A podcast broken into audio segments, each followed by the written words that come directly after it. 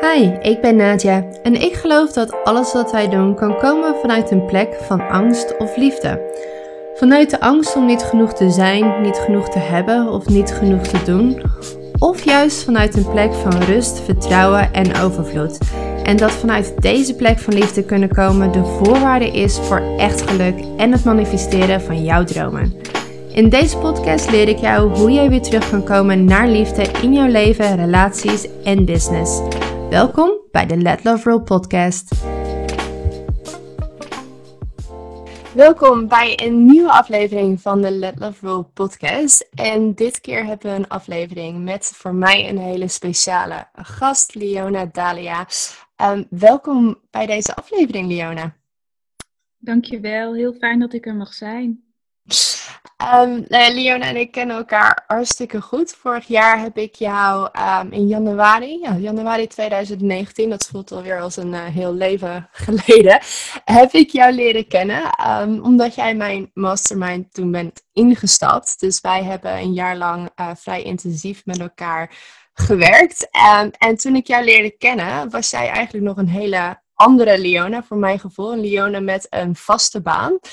En ook een Leona die het heel erg druk had. Ja, als ik uh, terugkijk naar die periode, dan is het net alsof ik een echt een heel ander mens was. Um, ik schreef me in voor jouw mastermind met een diep gevoel dat het klopte. Ik was al een hele tijd eigenlijk in een fase dat ik het veel te druk had. Ik was non-stop aan het werk. Ik had een parttime baan. Ik werkte in alle avonden. Um, en ik voelde ook ergens wel dat het niet meer kon. Maar ik was zo gewend aan dat ja, eigenlijk over, overwerken. Dat ik niet anders wist dan dat. En toen ik bij jou in de mastermind stapte, toen, uh, nou ja, toen heb ik daar wel echt een shift in gemaakt.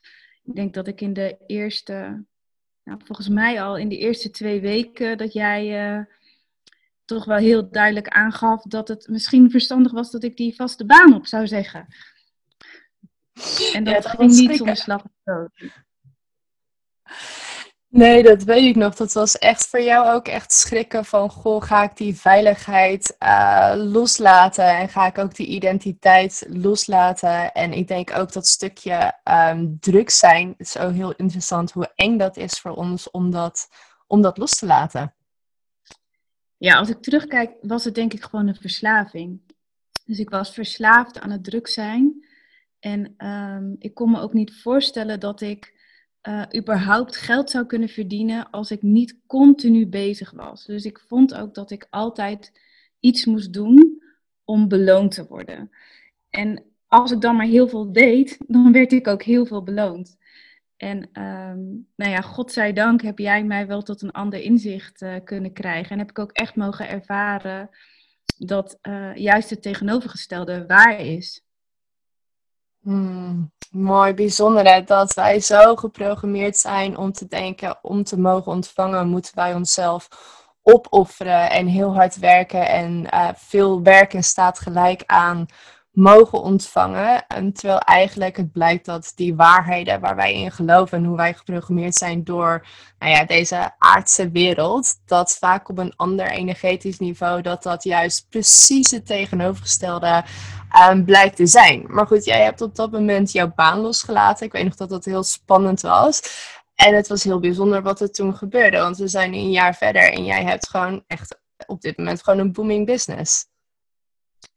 Ja, um, ik weet nog dat jij mij echt ook een programma meegaf, een mantra.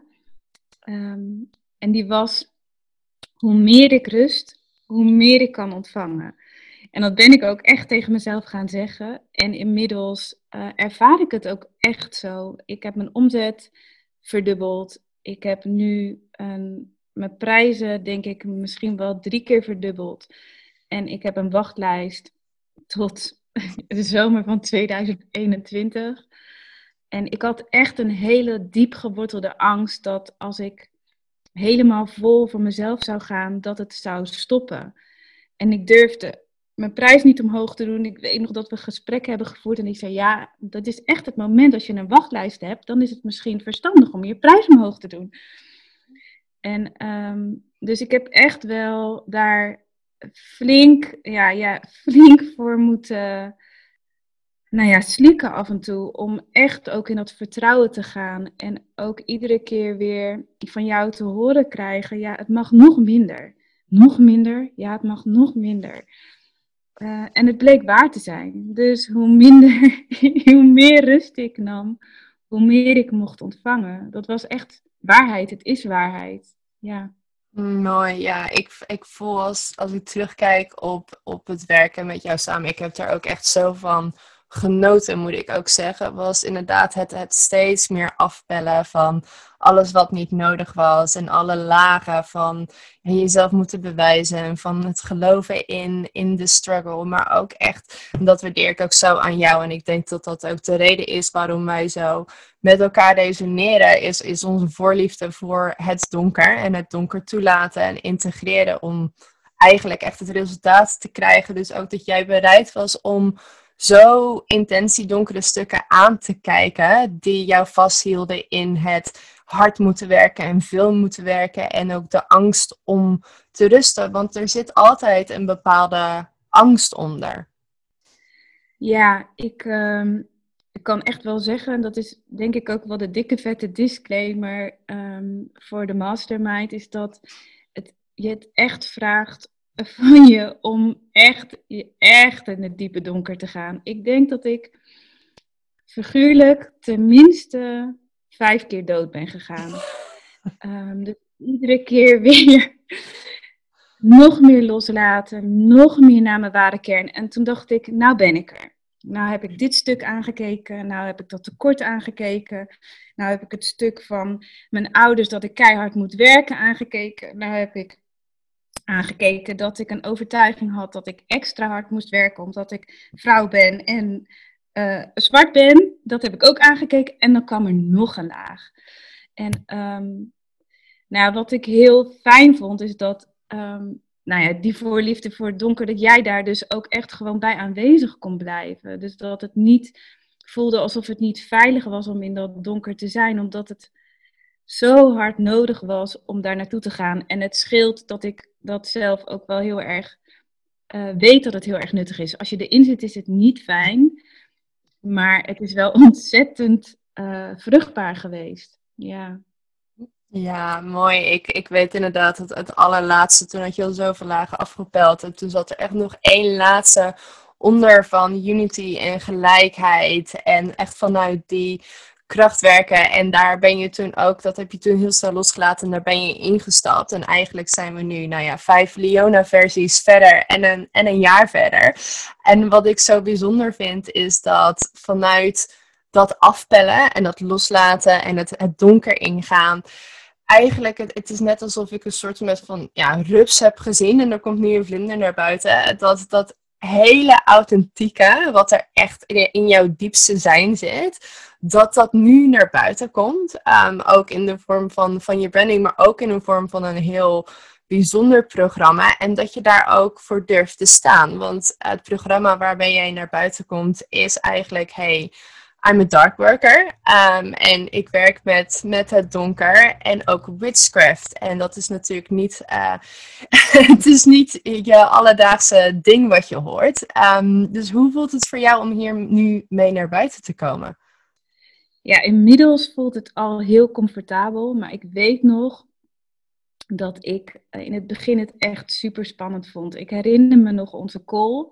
En dat ik nou, dat was echt, denk ik, op mijn diepste punt. En tegelijkertijd was daar ook het moment dat ik voelde, oh, dit is het.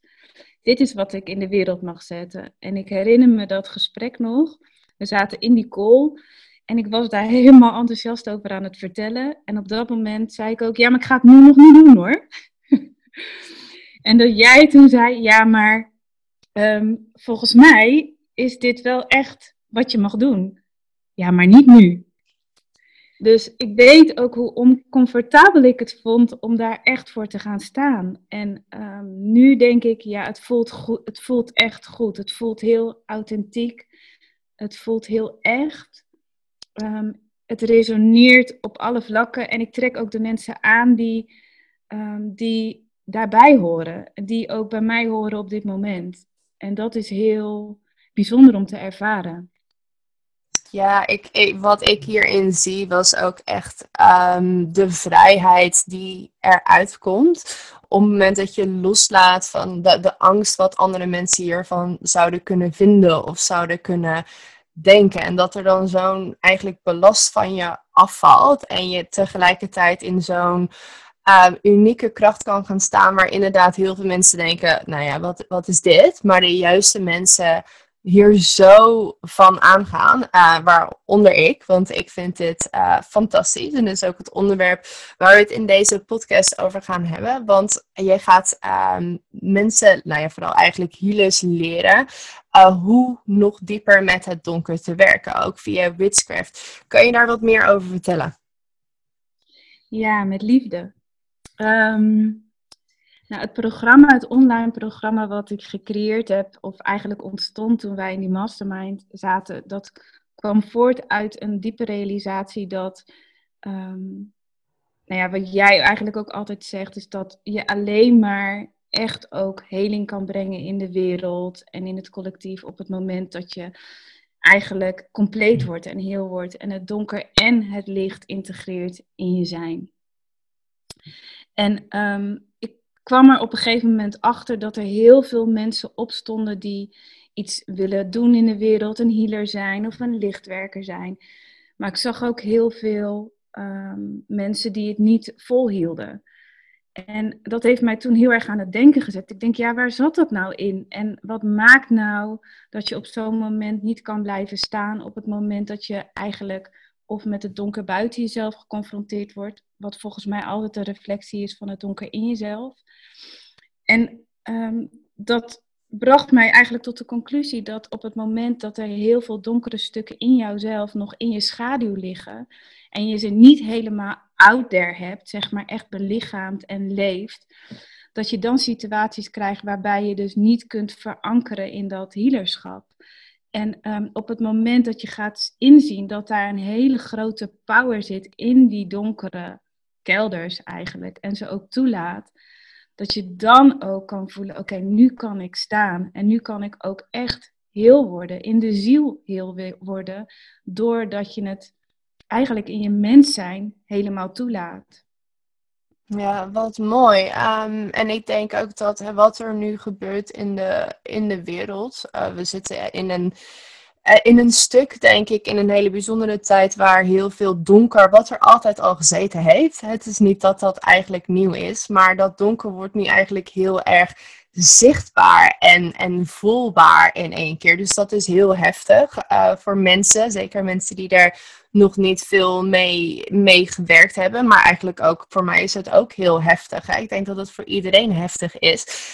Hoe kan, jij, hoe kan je als, als mens zijnde, als individu zijnde, um, werken met het donker, de heftigheid die op dit moment in de wereld uh, zichtbaar wordt? Op een meer collectief niveau.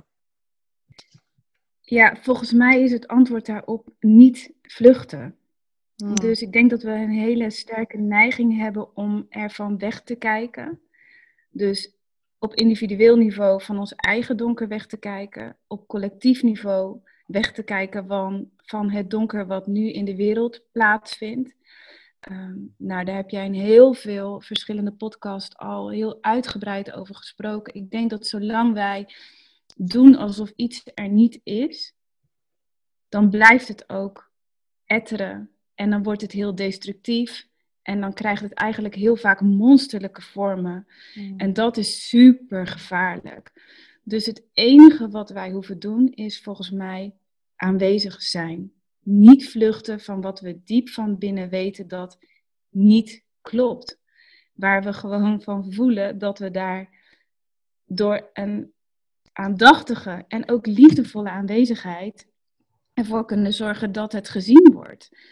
Want eigenlijk zie ik al dat donker echt als een facilitering van heel en compleet worden.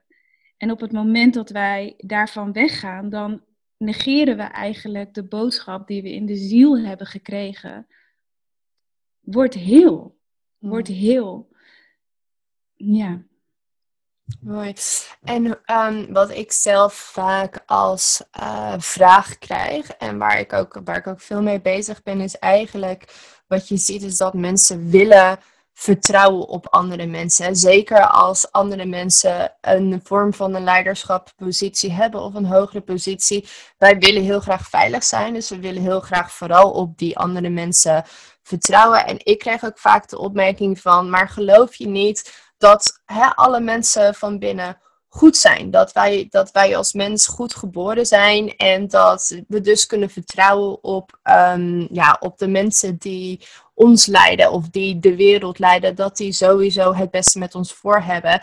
Uh, want mensen zijn toch niet slecht. En ik heb hier zelf ook veel over nagedacht. En ik denk ook dat wij als mens zijnde uh, ja, hoe moet ik het zeggen, gecorrumpeerd kunnen worden. Dat wij um, andere entiteiten, dan ga ik even wat meer esoterisch praten, dat er andere entiteiten zijn, hè, dus op die verschillende dimensies, dat je daar ook donker en licht hebt. En dat op het moment dat jij daar voor open staat of dat jouw vibratie lager is, dat die um, beslag op je kunnen leggen. Hoe kijk jij daar tegenaan? In mijn beleving zijn we een ziel die um, eigenlijk in wezen compleet is, een soort van energiebol. Maar we hebben, denk ik, in de afgelopen nou, jaren, of die alle, alle jaren voordat je eigenlijk een mens was, dus voor deze levens heb je ook allerlei ervaringen opgedaan. Dus dan ben je in de ziel al op aarde geweest, mogelijk al op andere planeten. En dan heb je ervaringen opgedaan die pijnlijk en donker kunnen zijn. Hmm. En wat er gebeurt als je in de ziel zeg maar naar beneden komt, dan kom je dus in dat lichaam. Maar als er delen van die ziel niet hier mogen zijn, dus echt aanwezig in het moment, door pijn uit vorige levens, soms ook uit voorouderlijke lijn of uit dit leven. Dus als je eigenlijk delen van die energie buiten jezelf plaatst. Nou, en ik kan me dan voorstellen, ik stel me dan voor bij die mensen die de leiders zijn en die zelf ook heel veel donker in zich hebben, die we allemaal van die donkere energieën buiten zichzelf zweven, dan wordt het heel aantrekkelijk voor andere entiteiten die dus in, uh, in de niet-materiële wereld zijn om daaraan te plakken. Hmm. En dan hebben ze een ingang in jou. Want donker trekt donker aan en op het moment dat ze dan die ingang hebben op jou, dan gaan ze je ook beïnvloeden. En dan krijg je dus situaties waarbij je, nou, of um, nou, heel erg, ehm, hoe moet ik dat goed zeggen? Nou, eigenlijk het kwaad um, stimuleert. Hmm. Dus het kwaad wordt gestimuleerd en wordt erger. Of je wordt onderdrukt. Of je gaat nog meer pijn ervaren, maar je weet niet goed wat het is, omdat jij er zelf niet bij aanwezig kunt zijn. Hmm.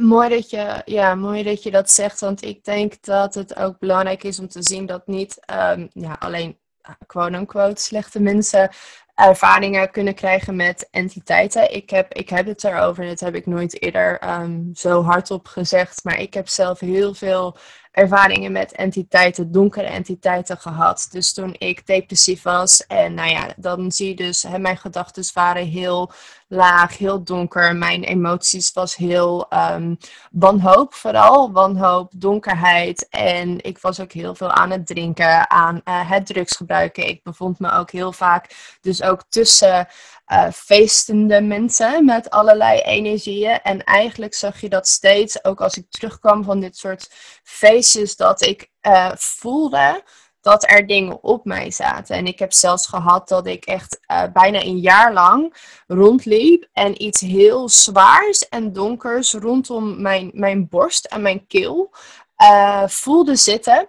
En die zoog eigenlijk, en het klinkt heel bizar, die zoog gewoon letterlijk al het leven uit mij. Ik weet nog dat ik door het bos liep en dat iemand tegen mij zei: Kijk eens omhoog. En ik keek omhoog naar, naar de prachtige natuur, naar de bladeren, naar, naar Moeder Aarde. En ik dacht: Oh my god, oh nee, oh de wereld. En ik keek weer heel snel naar beneden. En zo erg zoog dat eigenlijk het leven uit mij. Dus het, het voelt voor mij ook vaak best wel um, parasitair. En gelukkig heeft iemand mij geholpen op dat moment om uh, die entiteit uit mij te krijgen. Maar ik heb dat ook echt gezien. Ik heb hem ook echt zien wegvliegen. Um, een andere keer zag ik het bij mijn vader. Dus ik heb ze ook echt op mijn vader, die toen in Bali woonde en bipolair was, manisch was. Um, echt eigenlijk een schim van zichzelf. Ik zag ook hoe hij bezeten was. En ik zag ook allemaal donkere dingen in zijn huis rondvliegen. En dat kwam ook op mij zitten. Die heeft ook toen iemand eraf moeten halen. En die zei tegen mij: Wil je het uh, door je mond of door je vagina? En toen dacht ik echt sorry, wat zeg jij? Ik, ik kreeg allemaal van die, van die ideeën van um, Game of Thrones, weet je wel? Die vrouw die zo'n zo'n gekke entiteit paart. Dat ik dacht, oké, doe maar door mijn mond, dankjewel. um, en de laatste keer, en dat vond ik heel bijzonder, want toen dacht ik, ik ben nu zo um, gegrond, geaard, goed in mijn energie. Ik, ik, dat was echt een ver van mijn bedshow, die entiteiten. En echt pas vorig jaar um, kwam ik op een punt waar een, een oud stuk werd getriggerd. En ik voelde iets op me gaan zitten. En op het moment dat ik wilde gaan praten in de podcast die ik heb opgenomen van donker naar licht. Waar ik wilde praten over het allerdonkerste stuk van het collectief kneep hij mijn keel dicht. Tot op het punt dat ik jou belde of een voice memo naar jou insprak. Dat ik zei, Leona, ik kan niet meer praten. Ik, mijn keel wordt gewoon letterlijk dichtgeknepen. En toen ben ik naar jou toe gegaan. En jij hebt mij toen geholpen om, om het van me af te krijgen, om het los te laten. Mijn vraag aan jou is eigenlijk ook, als je voelt dat zoiets op je zit, iets wat niet van jou is, iets waar je voelt van hé, hey, het, het snoert me letterlijk mijn mond of het zuigt, het zuigt echt gewoon het leven uit mij wat betekent dat en ook hoe, um, hoe trek je het aan en hoe zorg je dat, dat het weer loslaat? Hoe werk je daarmee? Nou, jouw voorbeeld is eigenlijk echt prachtig, want um, het was namelijk ook echt een moment waarop het voor jou een stuk was van ik ga nu echt, echt gewoon mijn waarheid spreken. Hmm. En daar zit nog iets op. Weet je wel? Dus er is nog iets in mij ook die het spannend vindt om echt die woorden te gaan uitspreken. Dus er is iets wat mijn mond dood wil houden en dat ook veilig voelt. Dus ik zie echt werkelijk al deze entiteiten, ook um, hoe spannend ze ook zijn en hoe donker ze ook zijn, echt, ik stuur er ook altijd dankbaarheid naartoe.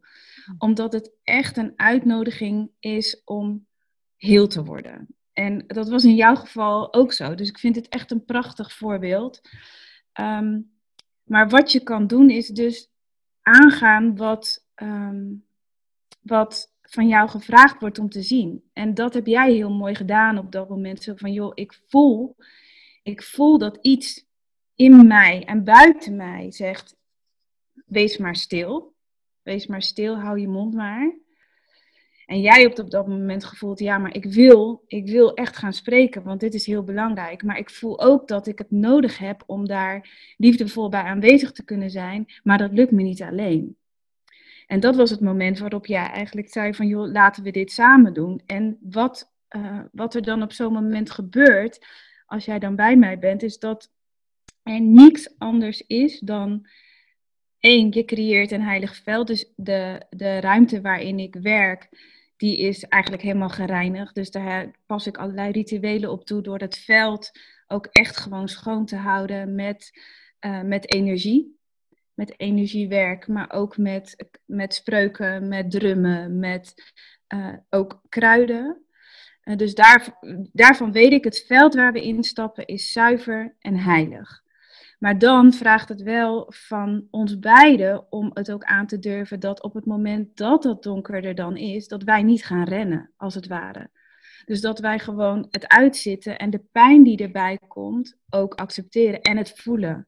Dus echt gewoon in het diepste van ons zijn helemaal doorvoelen. En ook niet bang zijn om dan het donker in onszelf te gebruiken om daar wat tegenkracht tegen te geven. Ik weet nog dat wij op enig moment lachend uit die sessie kwamen en dat we zeiden, nou, dan zitten we hier in een, woonwijk een beetje gekke spreuken te doen. Wat zullen die buren wel niet denken? Um, Dus het vraagt heel erg om ook toe te laten dat je voelt dat er een donkere kracht in jou is. Eigenlijk een soort, in mijn geval noem ik het dan witch powers, die nodig zijn om eigenlijk opgewassen te zijn tegen dat donker. En niet vanuit um, een strijd, maar wel vanuit gelijkwaardigheid. Mm, mooi. Ja, ik, oh god, ik, ik schoot inderdaad zo in de lach. Want ik was echt met mijn tong uit mijn mond een soort met van exorcism aan het doen. En jij was aan het zingen en er kwamen allemaal spreuken uit jouw mond. En dat ik ook daar lag en dat ik dacht, als hier ene Peter uit Stenenburg op de tafel ligt en dit zou gebeuren. dan zou die echt denken, wat is dit in vredesnaam? Wat zijn die aan het doen?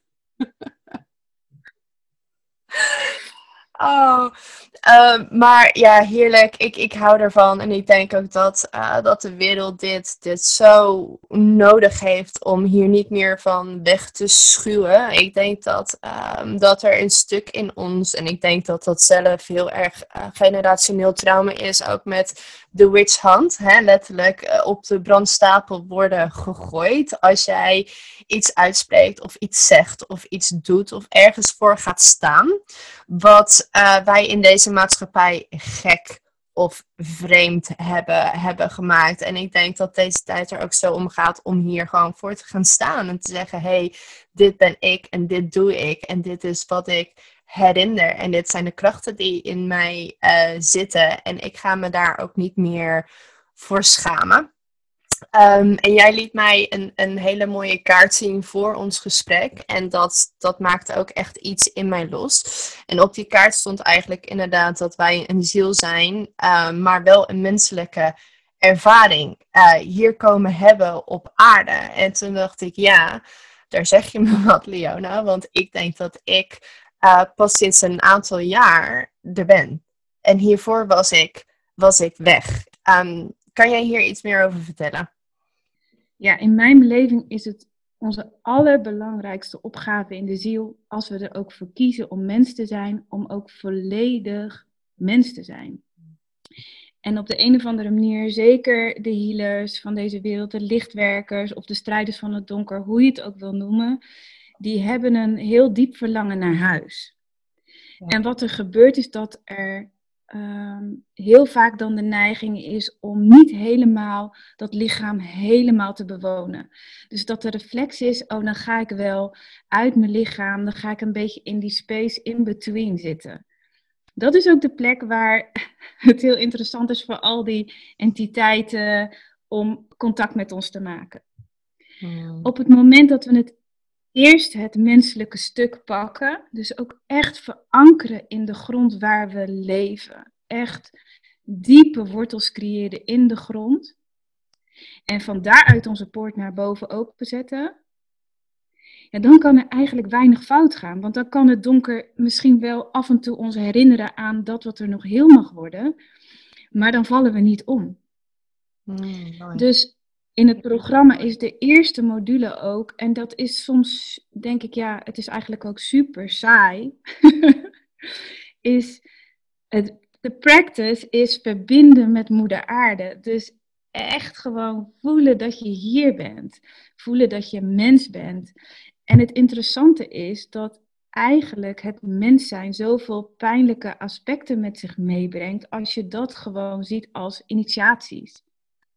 Dus elke ervaring die je als mens hebt, dat je dat ziet als een initiatie, dan werk je automatisch dat donker uit je systeem. Als je maar zegt, ik blijf er ook bij. Hmm, en dan creëer je eigenlijk helemaal op aarde. Ja, oh, zo'n mooie zin. En ik, wat je zegt, ik, moest er, ik krijg er ook altijd een beetje tranen van dat um, verlangen naar huis. Ik denk dat toen ik uh, zo depressief was, had ik eigenlijk elke dag stond ik op en dacht ik, oh mijn god, weer een dag. Serieus? Moet ik nu weer een dag op deze aarde doorbrengen? En wat het was, was inderdaad echt een intens verlangen om naar huis te gaan. Het was echt een intense, intense heimwee. Um, ik, ik ben er eigenlijk nooit geweest. Als kind zijnde vluchtte ik ook altijd in boeken en in mijn hoofd. Ik was eigenlijk ook nooit in mijn lichaam. Dus wat ik ook bijvoorbeeld deed was, ik liep overal, ik liep letterlijk tegen deuren aan. Ik liep tegen glazen aan. Ik liet alles uit mijn handen vallen. Het ging zelfs zo ver dat als ik een slok wilde nemen, soms van mijn koffie of thee of water, dat ik dat al omkieperde voordat het aan mijn mond was. Dus dat ik dat over me heen gooide. Ehm, en dat zijn dus ook vaak die tekenen dat je dus eigenlijk niet in je lichaam bent. Ik was er helemaal niet. Um, wat, zijn, wat zijn voor jou de, de practices, of één practice die je kan noemen, die je kan gebruiken om meer, om meer hier te zijn, om meer in je lichaam te zijn, om meer op aarde te zijn? Ja, een van de allermooiste en makkelijkste is op je blote voeten in de aarde lopen. Hmm. En echt ook elke stap voelen dat je aanwezig bent bij die grond. Ik doe het zelfs nu in de winter nog. Dat is eigenlijk super koud. Uh, het mooie daarvan is dat we hebben allerlei meridianen door ons lichaam lopen. En die, um, die van het aarde-element, die zitten ook in de voeten en in de benen. Dus op het moment dat jij ook echt contact maakt met de aarde en ook je voeten stimuleert om die beweging te maken, dan komt de contractie in je spieren, waardoor die meridianen en die energiestroom ook automatisch gestimuleerd wordt om harmonie te creëren in jou. Dus het heeft een dubbele werking. Uh, dus en je verbindt je letterlijk met moeder aarde en je zorgt ervoor dat het aarde-element in jezelf wordt uitgebalanceerd. Um, en het is ja, het is eigenlijk gewoon wonderlijk hoe erg je ook voelt, hoe je uit je hoofd gaat en meer in je lichaam komt door zo'n simpele practice. Hmm. En als je nou niet naar buiten kan, masseer dan je voeten.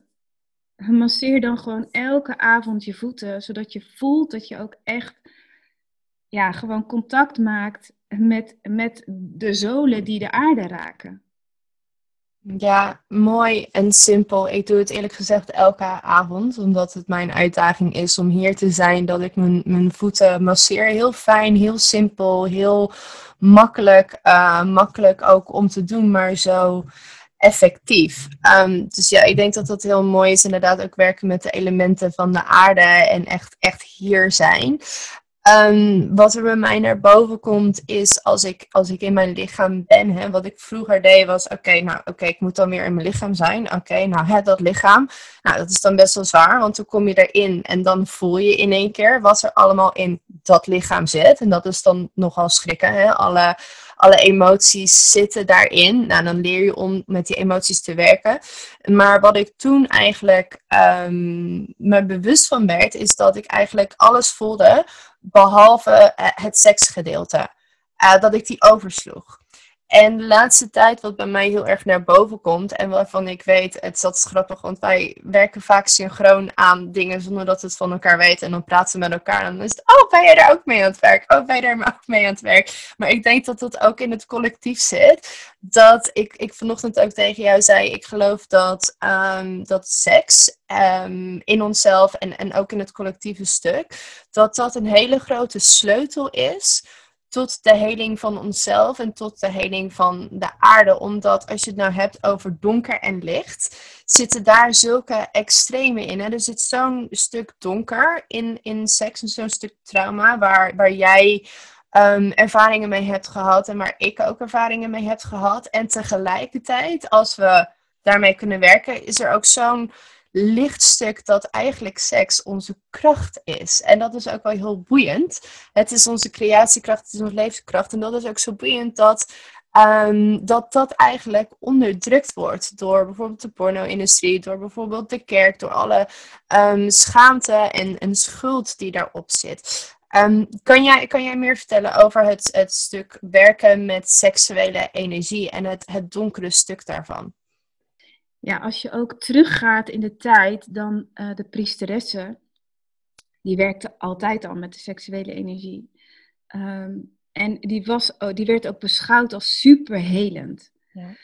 Um, ik denk dat het een hele grote reden is geweest in de shift die er gemaakt is naar de meer patriarchale samenleving, dat daar een hele grote onderdrukking op heeft plaatsgevonden. Maar er zijn ook heel veel, ja, nu stap ik misschien echt wel even een beetje buiten de boekjes, heel veel uh, stromingen geweest, die spirituele stromingen, waar er bijvoorbeeld ook echt orgies als inwijdingsmomenten waren. Dus dat waren hele belangrijke ehm, momenten om de seksuele energie ook vrij te laten stromen en ook de levenskracht die daarin zat te omarmen, zeg maar. En ehm, ja, wat, je, wat ik nu zelf bij mezelf heel sterk ervaar, is dat. Ehm, nou ja, ik geloof heel erg dat er altijd een dader en een slachtoffer in onszelf zit ook. Ja. En dat op het moment dat, ehm, nou in ons geval, dat er slachtofferschap is geweest van seksueel overschrijdend gedrag of seksueel misbruik, waardoor de seksuele energie niet meer vrij kan stromen en eigenlijk ook als iets heel onveiligs wordt ervaren. Hè? Dus dat is dan ook de reden waarom er vaak een soort van deksel op wordt gezet. Dat het vaak ook een uitnodiging is om te kijken naar het daderschap in jezelf daarin. Ik, nou, ik heb dan toevallig heel veel beeld bij allerlei vorige levens van mezelf. En ik sprak vanochtend bij jou in zo van ja, ik heb dus zelf mogen zien dat ik heel vaak ook in de rol van dader ben geweest. En dat het mij nu ook uitnodigt om in dit leven die dader ook, um, nou eigenlijk ook weer hier een plek te geven, zonder dat hij ook die rol van die dader heeft, maar wel te zeggen, ja, maar die kracht die daarin verscholen zit, in die pijn die daarbij hoort, als ik die nou toelaat en integreer met het slachtoffer, dan is het weer heel. Mooi. Ja, en ik denk ook als je het hebt over slachtoffers en daderschap, dat zeker als je op alle stukken, maar zeker op het seksuele stuk, en dat is wat mij ook zo intrigeert, is dat je altijd um, ziet dat het een cirkel wordt. Hè? Dat, dat de, veel van de mensen die in dat leven dan een slachtoffer zijn, worden vaak in hetzelfde leven um, weer een dader, juist door het slachtofferschap. En dat slachtoffer is dan een en dat wordt dan ook weer een dader. En zo zie je ook vaak dat het dan dus families op, op families, generaties op generaties wordt doorgegeven. En dat we dus zien dat we eigenlijk vaak allebei in ons hebben. Uh, maar wat jij zegt, dat als je wegloopt voor dat daderschap, dat is ook een stuk donker en schaduw in je, dat dat dan juist nog macht behoudt op het moment dat je dat niet wilt ownen. Op het moment dat je daar geen uh, verantwoordelijkheid voor wilt gaan nemen. Um, dus ja, heel, heel mooi. En ik denk dat we hier ook nog heel veel uh, werk in te doen hebben als, als mensen en, en in de wereld. Maar dat uh, gaat zeker gebeuren. Um, een andere vraag die ik absoluut nog aan jou wilde stellen en die mij ook bezighoudt is uh, psychic attacks. Ik denk dat dit um, afgelopen jaar is toegenomen. Ik denk dat dit dit jaar absoluut gaat, gaat toenemen. Eigenlijk een, ja, aanvallen, ik weet ook niet hoe, hoe ik het goed kan beschrijven, aanvallen van iets buiten je, wat een ongeheid en een reflectie is van iets binnen je. Kan je daar iets meer over vertellen in met betrekking tot deze tijd en, en hoe we daarmee kunnen werken? Ja, wat je heel veel ziet is dat dat uh, in de nacht gebeurt. Hmm. En um, dat is ook het moment waarop wij eigenlijk uit ons lichaam gaan zeker de healers en de lightworkers, die gaan lekker door de tijd reizen en die gaan dan hier wat helen en daar wat helen. en onderweg kom je dan iets tegen.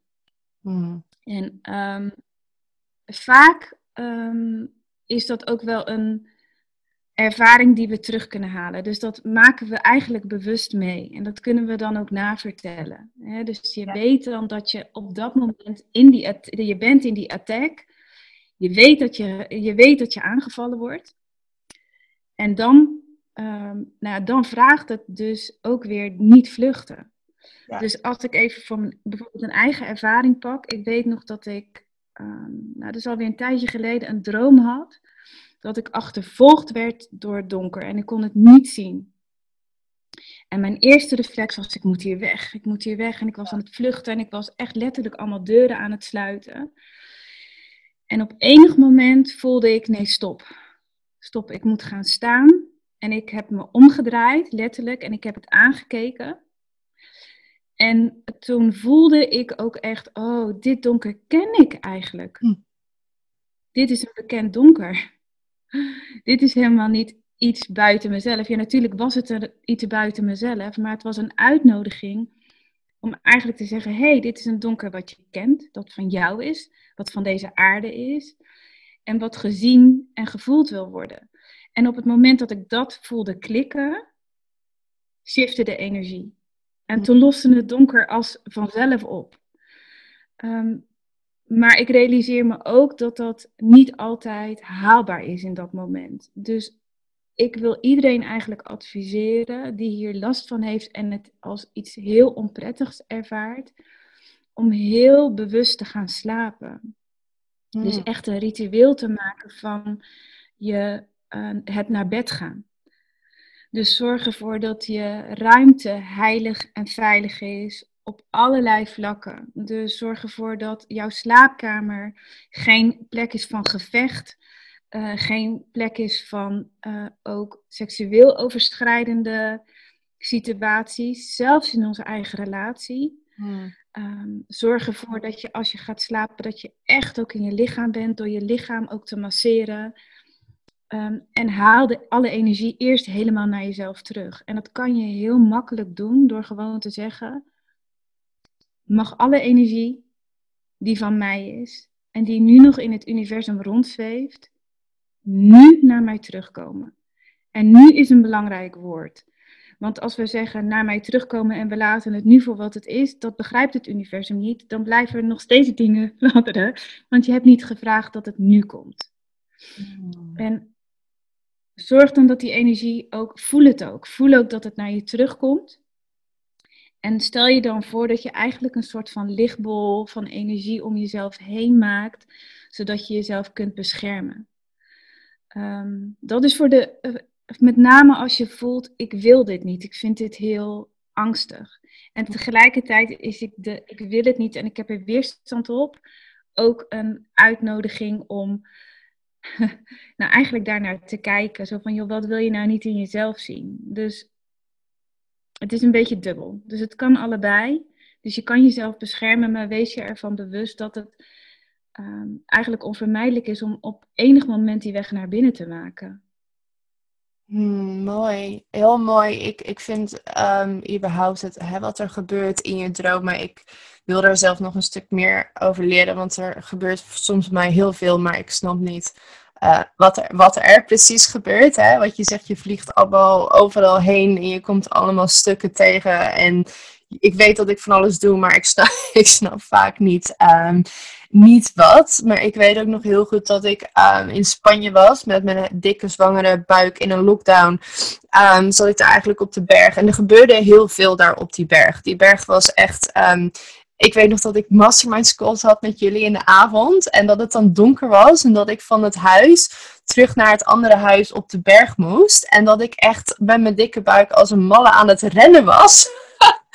Omdat ik zo bang was voor alles wat daar, wat daar rondvloog. Um, maar ik, het was voor mij ook de tijd dat ik echt. En dat was, even kijken hoor, dan maart, april, mei 2020. Dat ik echt de tijd heb genomen om het diepste, donkerste van het donkerste stuk van de mensheid aan te kijken. Om te zeggen: Oké, ik denk dat jullie me ook toen wel een beetje hebben voelen zakken. Van, oh, ik dacht echt, ja, ik ga, dan ga ik ook echt diep. Dan ga, ik, dan ga ik er ook echt naar kijken. En dat was voor mij heel moeilijk, omdat ik toen ook zwanger was.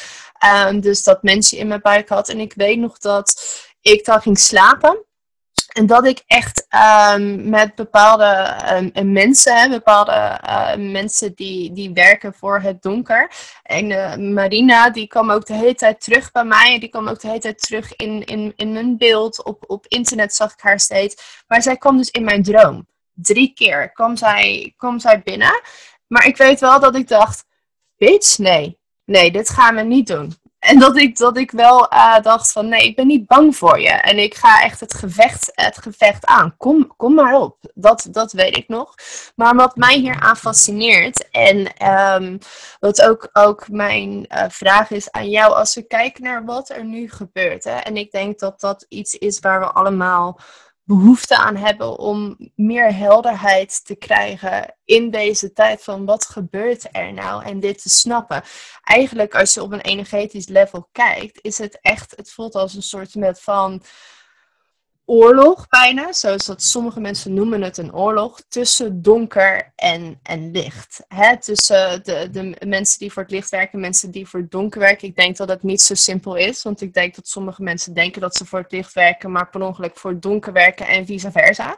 Ehm, maar hoe werkt het donker op collectief gezien op dit moment en wat, wat wil het? Uh, hoe gaat het te werk en, en wat wil het? Dat is eigenlijk mijn vraag. Um, hmm, ik kan er even op voelen hoor, hoe ik dat op een goede manier kan verwoorden. Want um, ik had ooit een teacher en die zei, en die werkte ook heel veel met het donker. En die zei, eigenlijk wil het donker graag een, een fijn huwelijk. een fijn huwelijk met, met, met, um, met het licht. Of in ieder geval met de mensheid. En um, zo voelt het ook echt voor mij. Dus het voelt voor mij niet als een oorlog. Hm. Omdat het alleen maar een oorlog kan zijn op het moment dat wij ook onze zwaarden spitsen en het gevecht aangaan. Hm. Dus op het moment dat wij niet vechten en er niet van weglopen, dan ben je eigenlijk het al aan het doen. Dan ben je het al aan het transformeren. Dan transformeert het al naar iets waarbij beide aanwezig mag zijn. Ik denk dat het donker echt heel erg uitnodigt om te zeggen. Ja, zeggen is niet het goede woord. Ik doe er ook toe. Dit is ook belangrijk. Hmm, ik krijg allemaal uh, bellen, bellen en het beest uh, beelden voor me op dit moment. uh, misschien dat dat sprookje van Disney ook nog wel een diepere, diepere betekenis heeft. Um, maar ja, mooi wat je zegt, inderdaad, het, het integreren van donker en licht in onszelf, zodat we het ook uh, buiten ons kunnen, kunnen integreren. Ik heb ook uh, op dit moment heb ik gesprekken voor de nieuwe ronde van de Mastermind. En het is ook heel grappig hoe ik heel veel uh, mensen nu op gesprek krijg. Um, in mijn intakegesprekken die het hebben over, ja, ik zit eigenlijk in het oude systeem.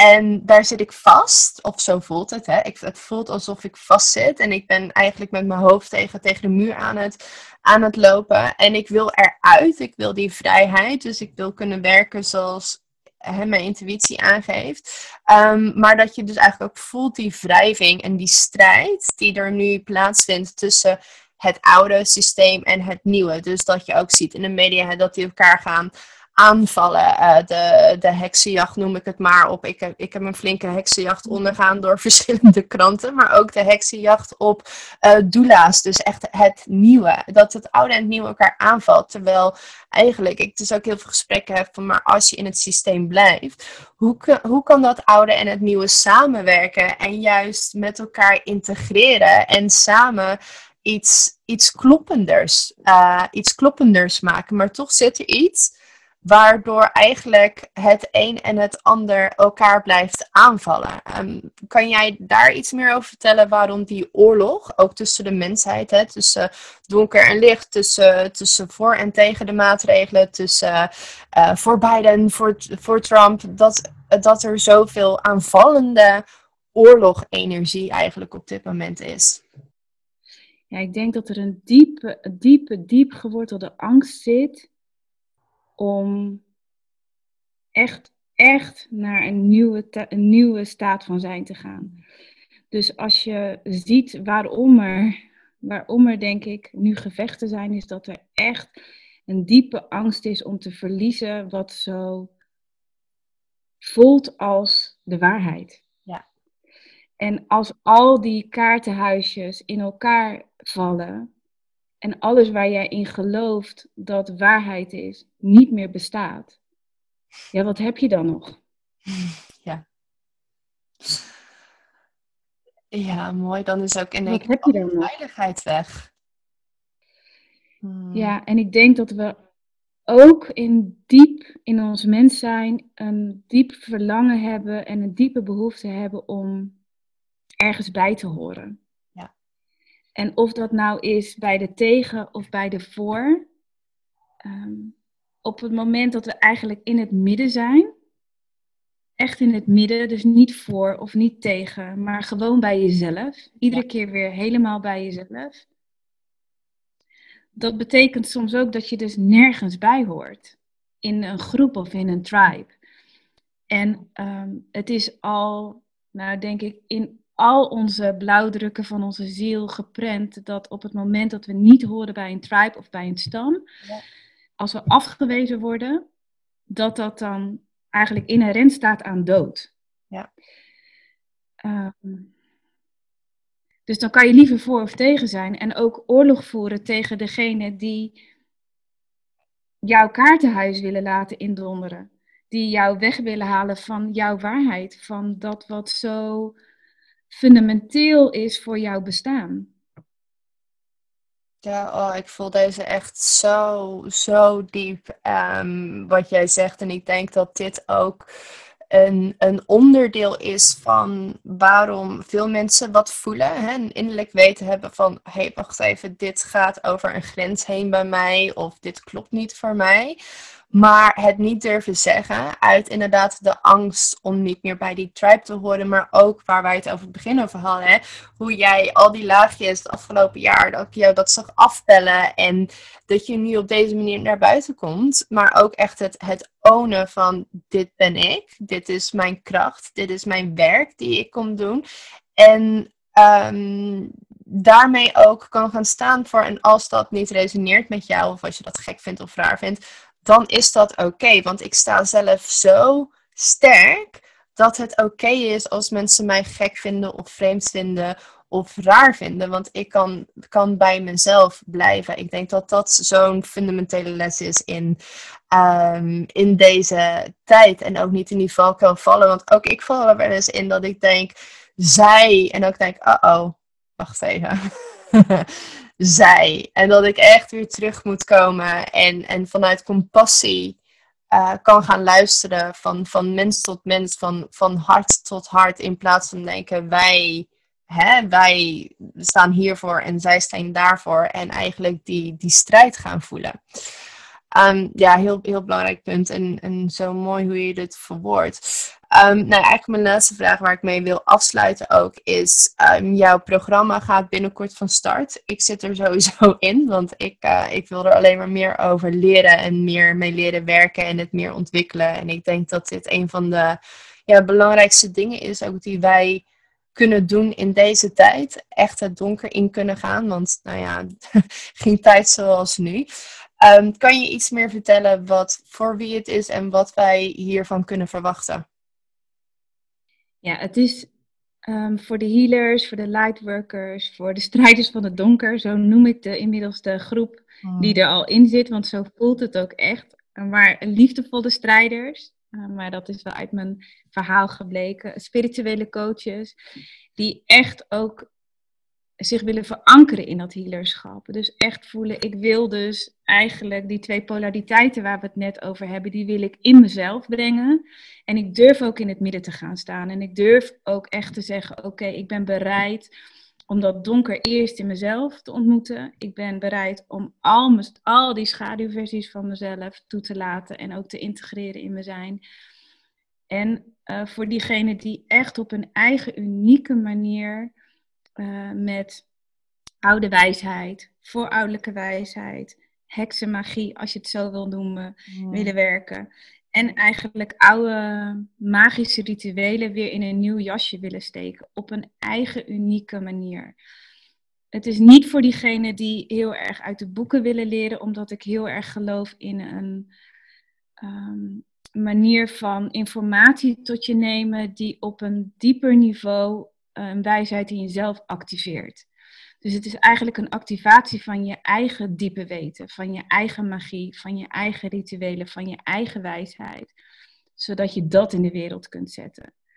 En je moet niet bang zijn voor het donker, dat is wel een voorwaarde. Je moet in ieder geval niet bang zijn om het aan te gaan, laat ik dat zeggen. Ja, dat je klaar bent om het aan te gaan. Ik, um, ja, wat, bij mij vooral naar boven komt, is een, uh, een enorme dankbaarheid voor, voor, voor jou. Voor um, dat ik jouw teacher heb mogen zijn het afgelopen jaar. En dat jij nu mijn teacher mag zijn. Heel mooi hoe die, die cirkel dan rondgaat. En een diepe dankbaarheid voor ja, het werk wat we doen. Want uh, jij bent voor mij ook zo'n voorbeeld. Dat ik denk, ja, dit is, dit is waarom ik doe wat ik doe. Dit is uh, als ik jou nu zo zie en weet wat voor impact jij gaat maken met jouw werk en met dit programma. En hoeveel vrouwen dat weer in, ja, echt um, verankerd in hun eigen kracht. En hoeveel impact dat weer gaat maken. Dat, dat, dat ripple effect is zo um, is zo enorm. En jij brengt mij dus dan ook weer helemaal terug naar, ja, dit is, dit is waarom ik doe wat ik doe. En nou ja, ik ben vooral heel, heel erg, uh, heel erg dankbaar. Ja, en daar word ik dan heel emotioneel van als jij dit tegen mij zegt. Want ik, ja, ik, um, weet je, de, het afgelopen jaar heb jij mij echt, zonder jou was ik hier gewoon nooit geweest. Dus ik heb echt, als iemand dankbaarheid voelt voor uh, iemand, dan is het wel dat ik me heel dankbaar voel dat jij in mijn leven bent geweest. En hoe scherp je ook bent geweest op wat de echte essentie was van mijn heling. En om mij ook echt in mijn potentie te zetten. En daar was je echt loop, loop zuiver in. Dus um, ja, zonder jou had ik dit nooit gedaan, nooit gedurfd. Dus ja, jij dank je wel. Oké, nou, nu ben ik, nu ben ik aan huilen. Oh, um. mooi einde van de podcast. Allemaal janken. het is niet leuk zonder janken, toch, Leona? nee, we hebben zoveel gejankt. Dit kan er ook wel bij. Oh, nou, ik kijk enorm uit om, om weer uh, via nu de student role met jou verder te blijven werken. En um, ik nodig iedereen die hier ook naar luistert um, uit. Ik zal de link in de show notes zetten van het, uh, van het programma. En uh, join me uh, op deze reis. En um, mocht je behoefte hebben ook aan de mastermind, ik doe nog de intake goals voor uh, de komende week. Dus alle links die je, die je wilt vinden, zullen in de show notes staan. En um, nou, ik hoop dat ik ook veel van, onze, van mijn luisteraars terug ga zien. Um, maar dat, ik vertrouw erop dat waar het op resoneert, dat we, dat we die weer mogen ontmoeten. Um, dankjewel voor dit hele mooie, mooie, mooie gesprek. Ja, dankjewel dat ik er mocht zijn.